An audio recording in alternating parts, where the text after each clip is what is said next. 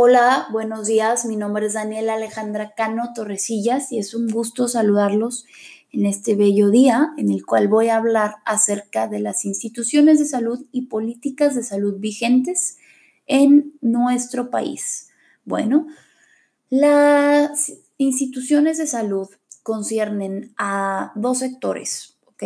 El sistema de salud se divide en sector público y sector privado. Entonces, el sector público es el que se enfoca en generar seguridad social para los trabajadores y sus familias a través de instituciones como el IMSS, ISTE, la Sedena, que es la Marina, Pemex, entre otros.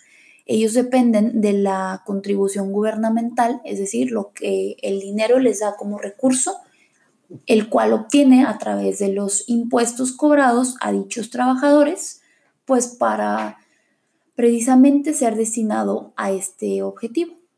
Em, es por esto que también existe lo que son programas de salud como IMSS Oportunidades y el Seguro Popular de Salud, este, para darle una opción, una buena opción, una buena alternativa de salud a todas las personas que están desempleadas, que no tienen un trabajo formal y a ellos pues se les brinda la seguridad social.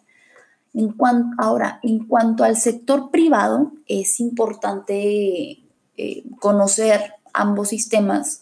El sector privado se basa en proveedores privados, es decir, hospitales privados, que van a trabajar con aseguradoras privadas, las cuales van a ofrecer un seguro a los usuarios y este seguro va a cubrir cierto monto, va a cubrir gastos médicos menores o gastos médicos mayores por lo que quien tenga la oportunidad, quien tenga el poder adquisitivo de comprar este seguro, pues es quien tiene acceso a dicho servicio.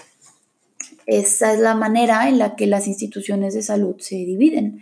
Ahora, hablando un poquito más acerca de lo que es el Sistema Nacional de Salud, este se encuentra actualmente eh, migrando hacia algo que conocemos como redes integradas de servicios de salud.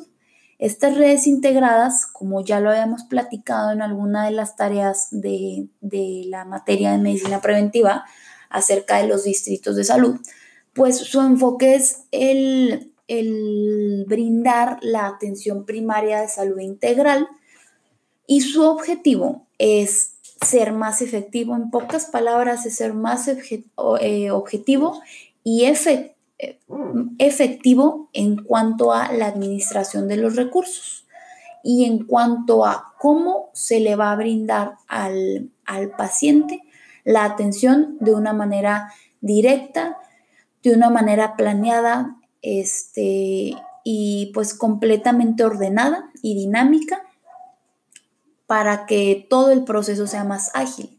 Su objetivo es integrar información, procedimientos, procesos de planeación y ejecución y también integrar lo que es la, parte de la medicina preventiva para que todos en la comunidad puedan este, intervenir, por así decirlo, y puedan formar parte y tomar responsabilidad y empoderamiento de su propia salud contribuyendo así a una sociedad más sana y con mejores hábitos. Entonces es importante conocer eso, al igual que es importante lo que son eh, las políticas vigentes sobre el sector salud en México. Hay una en particular que se instauró en el, en el, en el presente sexenio del, del presidente Andrés Manuel López Obrador, que son las políticas públicas para la atención específica a la población de 60 años o más.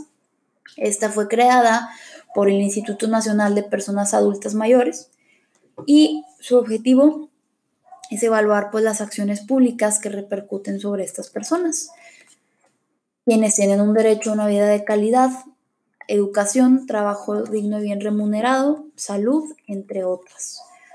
También existen las políticas públicas que regulan enfermedades como la diabetes tipo 2, sobrepeso, obesidad y cardiovasculares, eh, para las cuales se implementó la estrategia para prevención y control de sobrepeso, obesidad y diabetes, imponiendo un impuesto sobre las bebidas azucaradas y el etiquetado frontal obligatorio para em, productos alimenticios como refrescos y altos en azúcares y productos altos en grasas. Esos son solo algunos ejemplos. Existen muchos otros ejemplos de políticas públicas y este, es importante nosotros como profesionales de la salud conocerlas para poder estar actualizados sobre los mismos.